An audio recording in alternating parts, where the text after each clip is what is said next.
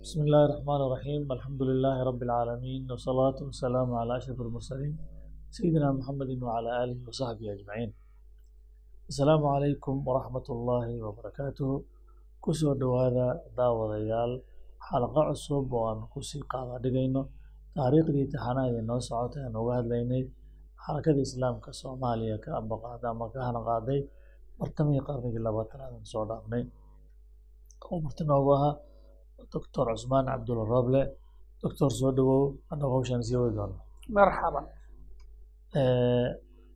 xalaqadii eh, noogu dambeysay waxaanu maraynay iyadoo dhalinyaradii hawshii la wareegtay sheekh maxamed macalin allah naxariistagadaashii xabsiga loo taxabay gacaankuna islahaa mar haddii dhalinyarada meesha laga kaxay hawshii waad kanaysa doontaa isla markii ilaahay subxaana watacaala in uu keenay inay masaajidka arbaca rukun uu noqday xarun kale oo dacwadii ka fido oo markaana ay harakadii aad iyo aad u sii bulaashay oy faaftay aadna u ballaaratay. Marka marxaladdaas waanu ku tilmaanay xalaqadii ugu dambeysa marxaladii arbaca rukun marka maxaad nooga sheegi kartaa marka faafitaankeedii iyo xogeysigeedii bulaalka harakadii bulaashay waqtigaasi ilaa hadkee buu gaaray. Bismi illaahi araxmaan araxiim maadaama marxaladaas aan waxaan ku tilmaami karnaa marxaladii heerkii ugu sarreeyey ee uu gaaray isballaarintii dacwadii xarakada ka socotay oo dhallinyarada ay wadeen. Hadda markaskaas arbaca rukun oo kii saldhigga ahaa waxaa dhinac socday oo kaabayay magaalada xamar kaligeed ilaa shan iyo toban masaajid oo kale oo isla tafaasiir ay ka socoto oo dadkii ku soo bislaadane meeshan saldhigga ah lagu soo biirinayo. Sidoo kale haddii gobolladii waktiga sidaan horeba u sheegnay ugu badnaa oy si fiican dacwada ugu fiday noqotay. Dhinaca kale hargeysa oo iyadana saan hore u sheegnay xarakadii waxdada ay ka bilowday nashaad xoog leh. Waktigaasi waxyaalihii dhacay waxaa ka mid ahaa in wufuud ka socoto xarakada xamar xagga ay tageen in lisfahmay in camalka islaamiga la isku duba rido oo la mideeyo oo ilaa xad la gaaray. Xataa shan ka mid ah raggii hawsha xagga waday ugu muhiimsanaa in ay xataa jamaacadii ahalka soo galaan oo ay beyco qaadaan. Taas waxaan dhihi karnaa marka waxa weeye waa markii maaragtay halkaas ay xarakadii si fiican meeshii ugu sarreysay ay gaartay. Maasha allah maasha allah marka toddobaatan iyo lixdii bishii lixaad laga bilaabo xarakadii way ballaaratay gobolladii ku fiday ilaa hargeysa ay saa u gaartay. Alxamdu lilahi rabbi alcaalamiin laakiin waxaa nagu maqaalaa markii toddobaatiyo toddobadii la soo gaaray xarakadin ay marayso macnaha bulaalkeeda iyo faafitaankeeda meesha u sarreeyey ay marayso in uu bilowday khilaaf oo dhaxda xarakada ay ka soo muuqatay mashaakil ka soo muuqdeen khilaafkaasi u soo muuqday see ku bilowday maxaana u sababahay runtii waxaa la dhihi karaa intii hore oo aan hadda xarakada ka soo sheekeynaynay kulligeed wax lagu farxo oo hore u socod iyo maalinba tilaabatii hore ka sii xoogan oo la sii gaarayo wey. Halkan markaan soo gaarayno toddobaatan iyo toddobadii dhammaadka qeybaheedii dambe waxaa bilaaba doono wax runtii la dhihi karo hoos u dhac xarakadii ku yimiday ayaa la dhihi karaa. Taasna sideedane waxaan ku magacaabi karnaa wixii keenay waxa weeye imtixaanaad qaarkeed oo ka dhex dhacay daakhilka xarakada. Waxaan ognahay dacwada islaamka sideedaba in laga maarmaan ay tahay in la mariyo imtixaanaad iyo ibtilaa'aad sunnada ilaahayna saas bay aheeday ambiyadii baa la dhibi jiray nabiga salawatullahi slam la dhibay kullu mujadid ama dacwo kasta iyo xaq sideedaba soo baxa waa dadkeeda waa la imtixaana. Marka hadda laga bilaabo waxaa noo bilaabanayso marxala aan dhihi karna waa marxaladii dacwada kala sifaynteedii ama imtixaanaadkii ay imaanayeen ayaan dhihi karnaa maxaa sabab marka qaabkee u bilowdeen imtixaanaadkaas kee u bilowdeen imtixaanaadkaas kama bilaabanin daakhilka soomaaliya. Waxay ka bilowdeen dibadda waxayna ka bilaabdeen khaas ahaan waddanka sacuudiga. Saan horeyba u sheegnay qaar ka mid ee dhallinyaradii jamaacada xataa ahalka ka mid aheyd ayaa sacuudiga hore u aaday oo halkaa ka shaqaysanaysay. Dhallinyaradaas qaar ka mid ah ayaa waxay isbarteen dhallinyaro jaamacadda madiina dhiganaysay oo runtii la dhihi karo sheekhii sheekh maxamed garyara oo dad culimmadii waaweyneed oo nahdada ka mid ahaa oo waagii shaqada laga joojiyo qaar la xirxiray isaga ay u suuro gashay inuu dibadda aado uu dalka sacuudiga taga ayaa runtii maarata xarakada ikhwaan muslimiinka la xiriirsaday oo la dhihi jiray waaga tandiimi dowli lilikhwaan marka ururka ikhwaanka. ikhwaanka faraciisa soomaaliya maarata inuu asiga mathilaya saas lagu aqbalay. Haddee wuxuu marka isku dayay dhallinyaradii soomaalida oo meesha wax ku baranaysay jaamacaadka islaamiga ee khaasatan jaamacadda madiina munawara qaar ka mid ah ayuu runtii baray ikhwaankii saasna ay runtii ugu mid noqdeen ikhwaanka dowliga ah. Dhallinyaradeenii ahalka ka mid aheyd oo xagga sacuudiga tegay marka ay arkeen dhallinyaradan ayagana maaragtay islaamiga ah oo haddii xarako islaami ah oo ikhwaanka maadaama ku biireen markii la wada sheekaysanaa qadayaadkii islaamka dad ayaga laftukooda maaragtay maxaan ku idhahdaa ihtimaam siinayo ka wada sheekaysanaya. Waa aadaa lisu waa la isku qancay. Waxay sameeyeen dhallinyaradii ahalka ka tirsan jamaacada ahalka ka tirsan xagga joogtay waxay ugu yeereen inay ku soo biiraan jamaacada ahalka. Iyagana ficlan wiilasha laftikooda waxay aada u danaynayeen in dhallinyarada xarakada islaamiga oo ka bulaashay soomaaliya inay ay qaarkood ay jamaacadooda oo ikhwaan muslimiinka ay ku soo biiraan ayay iyaga laftooda rabeen. Labada qoloba waa isdanaynaysay laakiin markii dambe waxaa muuqan doonto qoladaasna ayaga hadalka ulajeedadooda inay aheeday inay intaa shabaabka meesha jooga markaa sacuudiga joogay inay ku daraan jamaacada jamaacadooda taasna ay ugu noqoto fursad xarakada soomaaliya jirta in tandiimka dowliga ah lagu daro. Laakiin dhallinyaradan kale oo maaragtay ahalka ka tirsaneedna iyagoo habkii ay yaqiineen oo ahaa markay arkaan shaab maaragtay mutadayina inay la sheekaystaan dhisaan kabacdina ay runtii jamaacadooda ku soo darsadaan. Sidaas ayaa horta markii hore la isku soo galay iyadoo halkaa ay marayso oo xoogaana aan sidii la rabaa laiskugu qancin ayaa waxaa dhacday marka inuu qeybtii labaad oo shabaabkeennii ahaa ahalka ahaa oo xagga tegay oo uba ka mid yahayba amiirkii jamaacada ustaad cabdulqaadir ayaa meesha tegay haddii meeshii marka waxaa laga bilaabay maaragtay wada hadallo oo ah sidee labada xaraka loo mideeyaa laakiin waa suuroobi weysay sidii la rabana waa u dhici weysay marka waxa waxa jawharka laysku haysta oo lagu khilaafsanaa muxuu ahaa? Waxyaalaha la isku khilaafsanaa ficlan waxa weeye dhallinyaradaas oo runtii ka mid aheeday ikhwaani dowliga ka mid aheyd markay la soo xiriirsadeen dhallinyaradayni aadna ay u soo dhex galeen. Waxyaala bay soo jeediyeen afkaar cusub bay la yimaadeen oo ay leeyihiin waxa weeye xarakadiina waxbaa ka khaldan xarakadii ahalka iyo xarakadii islaamiga oo shabaabigood inta ka socotay ay ugu muhiimsanta ay leeyihiin waxa weeye maaragtay waxaa fiican in lala xiriirsado dowladaha waxaa fiican in musaacada taageera laga codsado ururada maaragtay jira. Waxaa muhiima dadka maalgeliyaasha oo muxsiniinta loo yaqaano islaamiga ah iyo ururada in laga laga codsado in taageero dhaqaalo iyo taageero siyaasadeedba in laga raadiyo. Arrintaas oo aheeday arrin aada iyo aada ugu cusub jamaacada ahalka maxaa yeelay jamaacada ahalka oo markaas dee toban sano maxaan ku ihi xarakadooda ay sii socoto weligood dowladna wax uma raadsan oo maalgelin iyo ururo kale iyo ashkhaas kalene lacag kama raadsanin.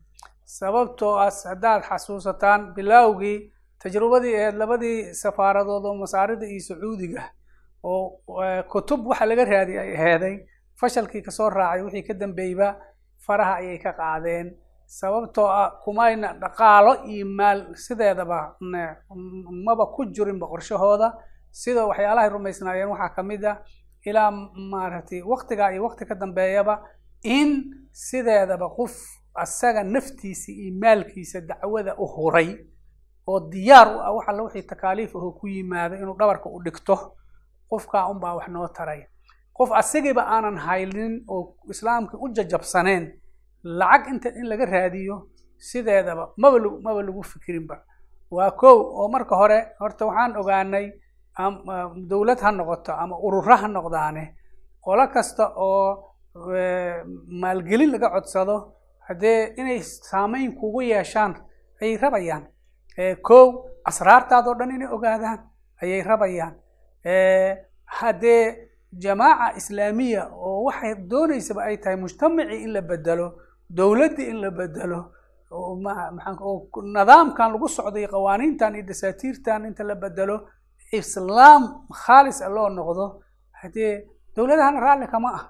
Ururadan sideedana sajilan oo dowladda ay raalli ka tahayne sideeda wax dowladda ka hor imaanaya marna ku dhaqaaqi mayaan saa darteeda ayaanba asraartaadina waa la ogaanayaa. Midda kale ayaga siyaasadooda u degsan oo maalgelinta meelaha ay ku bixinayaan shuruud baa ku xiran. Haddaadan maaragtay aadan ogolaaninne lagu siimayo saa darteedaaba sideedaba anagoo barnaamijkayna marna uusan kaas ka mid ahayn. Doctores ow macnaha lama dhihi karo marka hay'ado iyo xukuumado xili lala galo oo xukuumadihii loo socday in la bedelo heshiis lala galo iyadoo hadafkuna yahay in xoole la raadsado. Arrin dhaawac u geysanayso macnaha saafinimada iyo rabitaankii ikhlaaskii ilahay dartii loo socdo hadde waaba wataa waa iska caddahay waana waxa keenay inaan sidaynaba xisaabta aanan ku darsanin.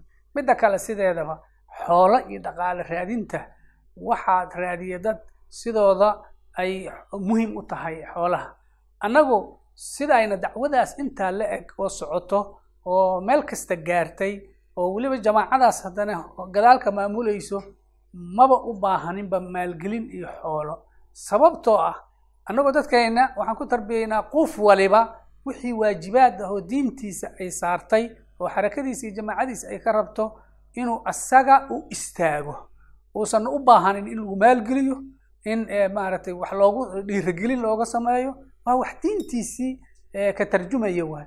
Saa darteed annago dhaqaalamaba u baahaninba maxaa yaele qof waliba asaa iskeenay xataa waxyaalihii dhaqaalo yaroo loo baahdo hadduu jeebkiisa isticmaali karane asaaba horey u bixinaa. Maxaa qur'aanka haddaa fiiriso kulli inta ku jirto waxa weeye jaahiduu fi sabiili illahi biamwaalikum wa anfusikum. Labadaba waa isla socotaa biamwaalikum wa anfusikum. Maalkaa weliba waxaa loo hormariyey qofka maalkiisi inuu keeno naftiisina keena. Annaga maba u baahaninba maal maalgelin kale. Marka sideeda waxay dhaawacaysaa haddii adduunyo doon la noqdo. Waa in badan oo hadda taana ilaahay waxaan ku mahadinaynaa ilaa maanta in aan qof nagu sheega karo intaasoo kale oo taageera maaliyadeed ah inuusan jirin oo aan xur ka nahay waana ku faraxsan nahay maxaa yeelay xarakaadkii raadsaday maalgelinta ama dowlado ka raadsaday ama ururo kale ka raadsaday qaybo badan baa ka soo baxday. Markii dambe xoolihii in la isku dagaalo in maaragta maxaan ku dhahdaa diintiiba inta la iloobo xoolo raadis le arrintii ay noqoto. Dadkii kaloo bannaanka ka fiirsanayay in ay ceebeeyaan oo yidhaahdeen kuwaan hanti doon waaye xoola ay aruursadeen. Marka waxaan aad u dhadhansanay xigmada ku jirto qur'aanka ambiyada ilaahay kulligood oo ku soo wada celcelinaa laa as'alukum calayhi ajran. Laa as'alukum calayhi ajran. In ajriya ilaa calaa rabbi calaa rabbi alcaalamiin ma garatay? Ileen bani aadamow haddiiba xoogaa xoolo lagu weydiisto waxa weeye dacwadaadii iyo mabda'aadii dhan waaba qiimo dhacaaba hadda soomaalida waxaa weeye maaragtay culummada oo badanaa dee xoolo ayaga aan haysano shacbigooda wax ka raadsan jiray ayaa mamaha waxaa baxday ah wacdi wadaad soomaaliyeed wax isiiya u dambaysa wacdi wadaad soomaaliyeed wax isiiya u dambaysa oo waxaa dhacaysa sheekhii markuu masaajidka iska taago oo wacdi fiican galo oo dadkii xoogaa maarata ay dhegaystaan qaar marka dambe uu sii dhammayn rabo kabihii sii qaadana waxaad arkay haddee waktigii wax lay siiya uu dhihayaa la gaare ka tag. Marka sideeda xigmad weyn baa ku jirta wax qof diin wato wax haba yaraatee bani aadamka xoolahooda ina am tas'aluhum ajran fahum min maqramin mufkhaluun qur'aanka waa ku soo noqnoqotay ma garan marka arrintaa arrin muhiim jiddan waay. Adigoo warka sii wada hore waxaan ogsoonahay adduunyada sistemaa ka jiro dowladuhu brograam iyo barnaamij ay leeyihiin ay howlahooda ku wataan oy kiyaankooda ku ilaaliyaan. Waxaa jiro in ururo iyo hay'ado samafal ah oy ansixiyaan oo ogolaadaan qawaaniintooda ku shaqaynaya. Waxyaalaha ma caam ahaanne loo meeri waxaa ka mid ah in hay'ad kasto iyo maamul kastoo shaqaynayo oo ku shaqeynaya hadba siyaasadda ay u jeexdo dowladdaas iyo barnaamijka ay u dejiso. Qaarkoodna ay cuskan yihiin qawaaniin caalamiya oon garan karno hadafka iyo ujeedooyinka ay leeyihiin. Marka la macaamilka hay'adahaasi iyo maal u doorashadeeda. Soo ma noqonayso marka in xarakadii ku dhacdo shabakad shabakadaasna markaa ay muxuu ahay dariiqeedii marinkeedina laga weeciyo halisna u gasho markaa yani in iyadaba la adeegsado si loo loogu takrifo kaasi ku dheeraamayey waa waxyaalaha dhaca oo maalin kastaba aan goobjoog u nahay oo runtii ilaahayna aan ku mahadinayno ilaa maanta inuu alla naga caafiyey. Waxaan ku dari lahaa intaa waxyaalaha dhalinyaradaas ay soo jeediyeen oo xarakadaanna way ku khaldan tahay. Xarakadii ahalka iyo shabaab shabaabkii soomaaliya dacwada ka waday qeybtan hadda maalgelin ma haysataan hay'adihiina raadsamaysiin idin kale waa isxirxirteen waxaa la jiray qodob kale oo isagana ah sideeda dacwada waxaa la rabaa in lagu soo daro dadka beledka acyaantiisa ah. Dowladda saraakiisha ka tirsan dadka tujaarta caanka ah dadka maaragtay magaca mujtamaca ku leh dadkaas ayaa la rabaa in siyaasiyiinta in lagu soo daro. Oo markaa sumcad ma garata maxaan ku dhaha dacwadii ay yeelato. Iyadoo haddee haddii qof siyaasi ahaa ama qof caam ahaa uu dacwadii soo galaya oo soo raacaya waa wax fiican. Laakiin macnaha iyagu markaas soo bandhigayaan waxa waaye dadkii in ayagoo aan soo mabaadi'dii islaamku dacwadan iyo xarakadan iyo jamacadan ku dhisneed qof aan dhadhansan oon diyaar u noqonin takaaliifteeda inuu guto aan diyaar u noqonin magac buu bulshada kuleeyahay sidiisa ha lagu aqbalo isaga oo wixiisi wata wixiisi wata. Haddee in yar kabacdi waa la iska hor imaanaya? Macnaha yani ma hadafku ninkaas inuu soo bedelo oo wuxuu ahaa ka soo wareego oo mabaadi'dan uu soo galo macnaheeda maahe ninkaasi magaciisa iyo Maalkiisa. iyo maqaamkiisa xarakadu ha ka faa'iidaysta waaye maahe inuu ninkaasi soo wareego soo bedelo maaha.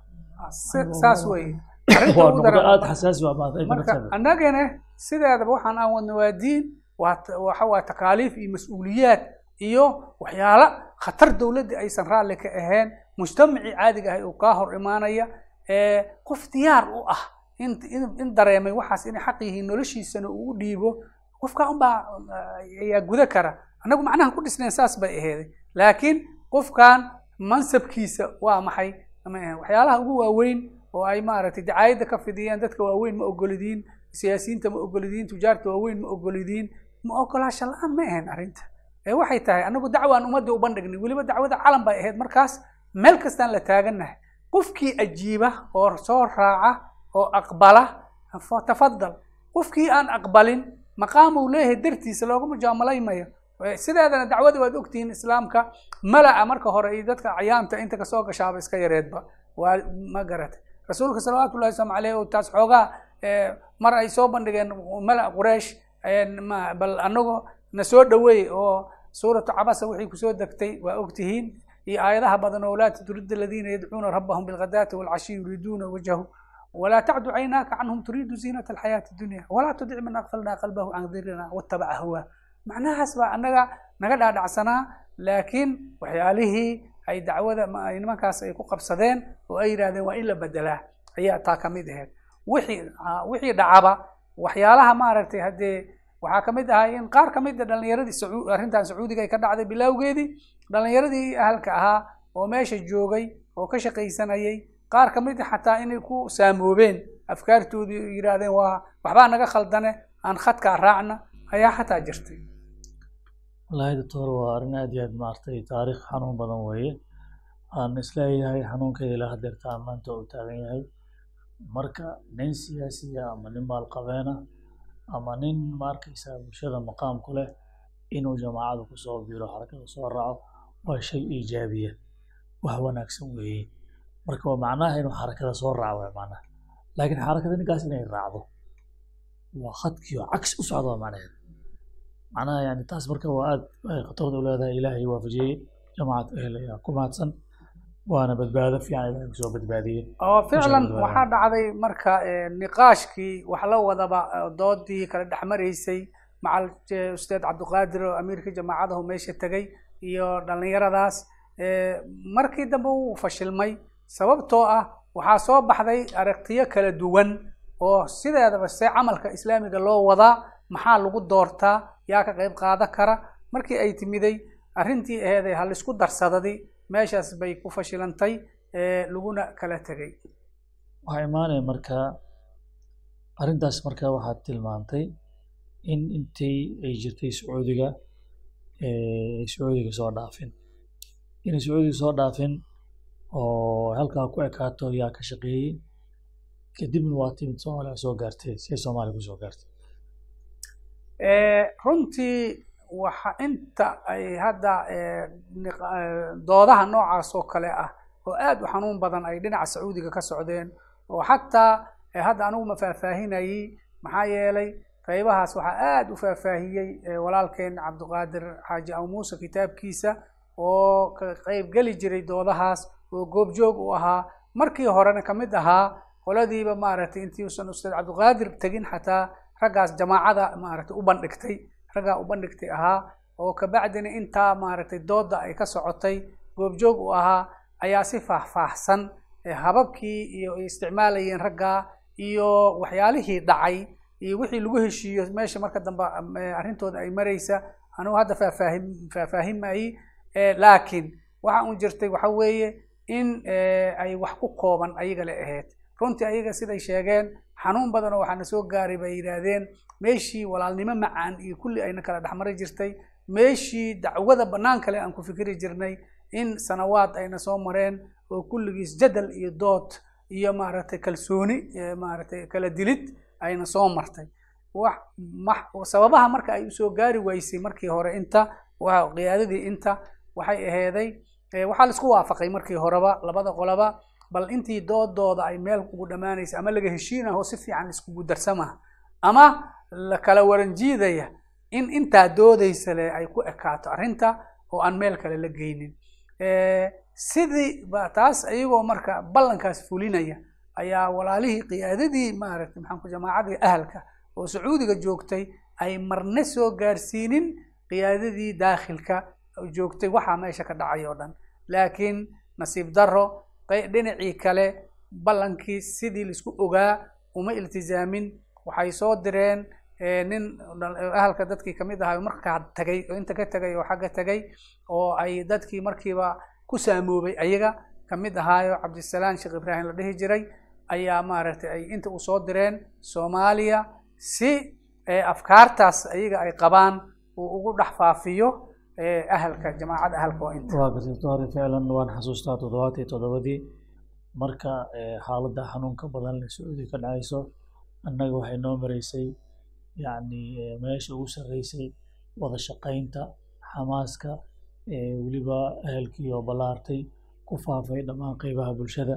Hadday lahayd shaqaalihii hadday lahayd jaamacadihii hadday lahayd iskuuladii hadday lahayd macallimiintii militarigii dhan walba ku faafay weliba walaalnimo macaan oo isu xiisd badan ka socotay ahayd marka ficlan ha yeeshee markii fitnadii la soo dhoofiyey halkan la keenay wax aad madaxa noo wareegay bay ahayd.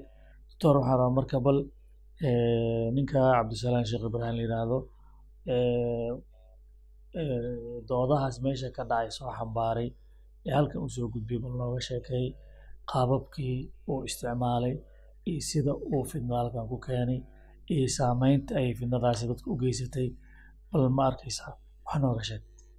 Runtii cabdisalaam ma- marka uu inta yimiday hababkii dabcan xagga uu ku soo tababartay baa inta uu la yimiday oo ay ugu muhiimsan tahay inuu raggii khaasatan asiga saaxiibadiisa isagu macallin buu ahaa raggii saaxiibadiisa ahaa oo weliba u badan dadkii ay markii dambe soo galay jamaacada oo markii runtii dhalinyaradii la xirxiray oo aan horey u soo sheegnay xoogaa dad badan in lagu soo daray oo xataa la fududeeyey maaragta maxaan ku irahdaa shuruudii ku soo biiridda jamaacada la fududeeyey.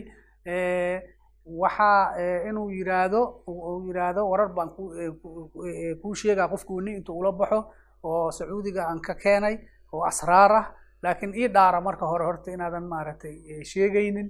Markuu dhaar siiyo kabacdi inuu yidhaahdo meeshii khilaafkaasaa dhacay waa lagu kala tegay dadkan waxbaa ka khaldan adduunkii kale in isu furfuraan ma rabaan maalgelin inay raadsadaan ma rabaan ma garatay. Wixii xagga afkaar ahoo ka jiray inuu ku saameeyo sidaa kaa dhexgalo cabdisalaan isaga naftiisa yani jiilkee ahaa oo jamaacada soo naftiisa wuxuu ka mid ahaa? Kooxdii markii balbalada dhacdee oo dartood inta loo khafiifiyey balbalada darteed loo khafiifiyey shuruudihii saa jamaacada ku soo gal ku jira mise dadkii hore ku jira siisa may dadkaa danbuu ku jiray maxaa yeelay anigu markii la xirayey jamaacada kuma jirin marka gadaashay dadkii naga xabsiga hadaastan waxay dhacaysa anagoo xabsiga ku jirna. Markii aan soo baxay dadkii aan la kulmuu ka mid ahaa. Horta taa mid bay aheeday. Waxyaalaha runtii la ist la adeegsaday oo dadka cusub in lagu kasbado ay ku talagaleen waxaa ka mid ahaa asraarta jamaacadii ahalka khaaska u aheyd inay dadan weli jamaacadii ku soo biirin ay gaarsiiyaan. Ko dad jamaacadii ku jiray oo jamaacada waagaas saan sheegaynin waa ballaaratay nadaamaa loo sameeyey oo ah wixii shaqaalaha ah nidaam ayaga le shaqaalahooda inta shaqaalahada la istaqaana ayaga le barnaamijyadooda laiskugu xiray intii arda ayaga le la isku xiray intii jaamiciyiin ayaga le jaamacadaha dhigta wixii asgara ayaga le la isku xiray asraarta sidaasay kukala ay ku kala xifisneed inay markaa maxaan ku u yimaadaan qof masalan ardadii ka mid ah ay yidhaahdaan intaan le taqaana adiga jamaacada hebel iyo hebel a ku jiro shaqaalihii iyo arda iyo jaamiciyiintii intii kale ina iyagoo markaas asraar baad u sheegtay qofkii dhaha ku kasbanaya. Dadka ka baxsan jamaacada waxyaalahay ku kasbanayeen waxaa ka mid ah nin baa loo tegayaa waxaa la leeyahay horta ma ogtahay jamaaca inay jirto oo adigana lagaa qarinayo oo camalkaas guudleed iska wadaa wax kaloo hoosaa jira. Ma garatay oo weliba mar qaarkeed loogu daro annaga in badan aan soo jeedinay maaragtay inaad xubin ka noqoto waan ku rashaxnay annaga waa garatay. Laakiin qiyaadadaa diiday oo ku diido ku fogeysay. Asaaliib noocaas oo kale ah oo xoogaa sideedaba asaaliib aan naqiinay iyo wax aan baranay iyo ma garatay aan ahayn ayay aada u adeegsadeen oo waxaa jirta sideeda waxay ka faa'iidaysteen kalsooni fiican oo dadka xubnaha xarakadoo dhan ma aha hataa jamaacada dhexdeeda kala dhexmari jirtay. Oo ah ay ka mid ahayd mamahda maarata soomaalida ay tiraa muslimow run sheek muslimowna ka aqbal. Ma garatay. Sideeda qof mu'mina hadduu war kuu sheega waa inaad u rumaysaa. Aadan marna ka shakin mar aad xataa nabiga ay salawaatullahi wasalam ale munaafiqiinta ku duceeyeen huwa udun. Udun waxay ula jeedaan wixii muslimiinta u sheegaan wixii loo sheega waa iska rumaystaa waa iska rumaystaa ilaahay waa u qiray wuxuu yihi waa yahayba laakin udunu khayr. Ma garatay waa khayr uu yahay yu'minu lilah wa yu'minu lilmu'miniin. Maalintaa laga bilaabo annaga sidaynaba maba suuraysaninba. Qof jamaacadii khaasatan ka mid oo la soo tarbiyo jamaacadii soo galay ayaa wax kale kuu sheegaya. Maba rumaysneenba kalsoonidii marka maxay keentay?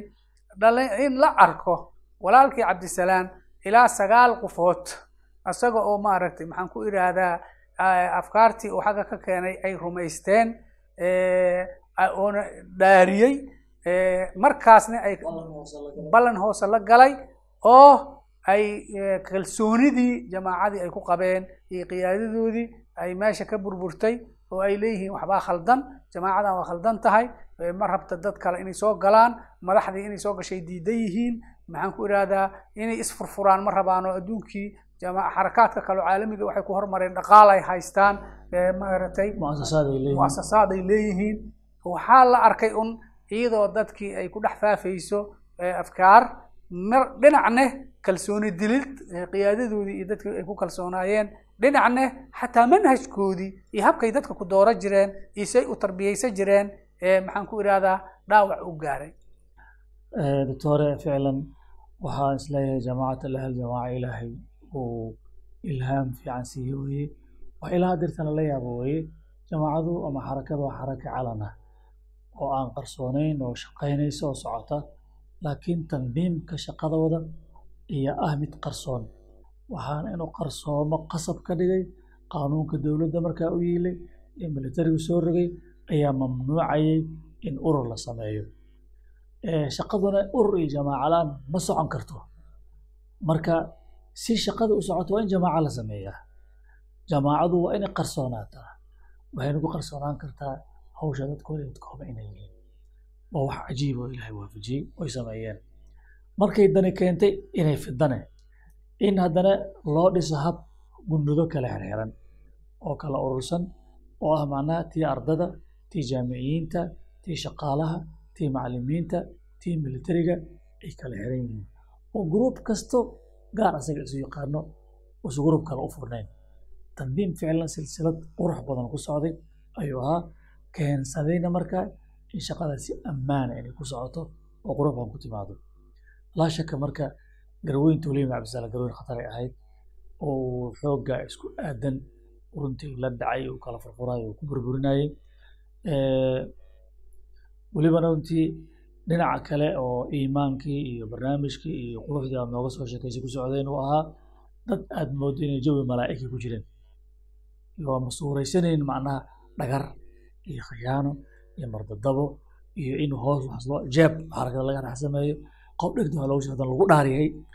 Qofka yani wax uun ka shakin karo wuxuu ka shakaya aan lahayd maanaa wariyaa wax baan kuu sheegayahay. Intaana kuu sheegin ii dhaaro inaad iga sheegin. Marka kalsoonida guud ee la qabay baana keenta waxa insaa ku yimaadaan.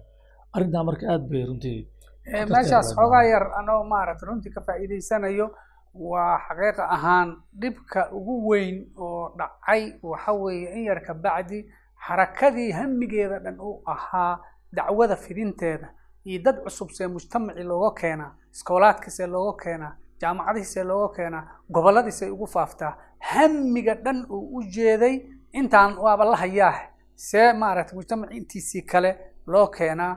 Waxay arrintii isu beddeshay in iska shakis daakhilkii ayagii ay isku soo jeestaan afraaddii jamaacada oo qolaba markii qof meel wax kula shiraa la arko ma qoladii maaragtay cusbeed baa waxoodii gaarsiisatay kalsoonidiisii weli ma jirtaa mase waxa weeye maaragtay howl kaluu hoosta ka wadaa. Waad garan kartaa khilaafaadka noocaas oo kale ah hamigii iyo welwelkii iyo walbahaarkii sixiddii daakhiliga ahayd iyo fidnadii iska ilaalinteedii iyaa ku fidnoobay yaasan ku fidnoonin ku fidnoobin waa waxa lagu magacaabo waxaan dhihi karnaa ta'aakul daakhili iscunid oo daakhilka ah ayaa bilowday xarakadii horile u socotay iidaa isku soo jeesatay dhibka ugu weyn oo dhacay kaasaa la dhihi karaa.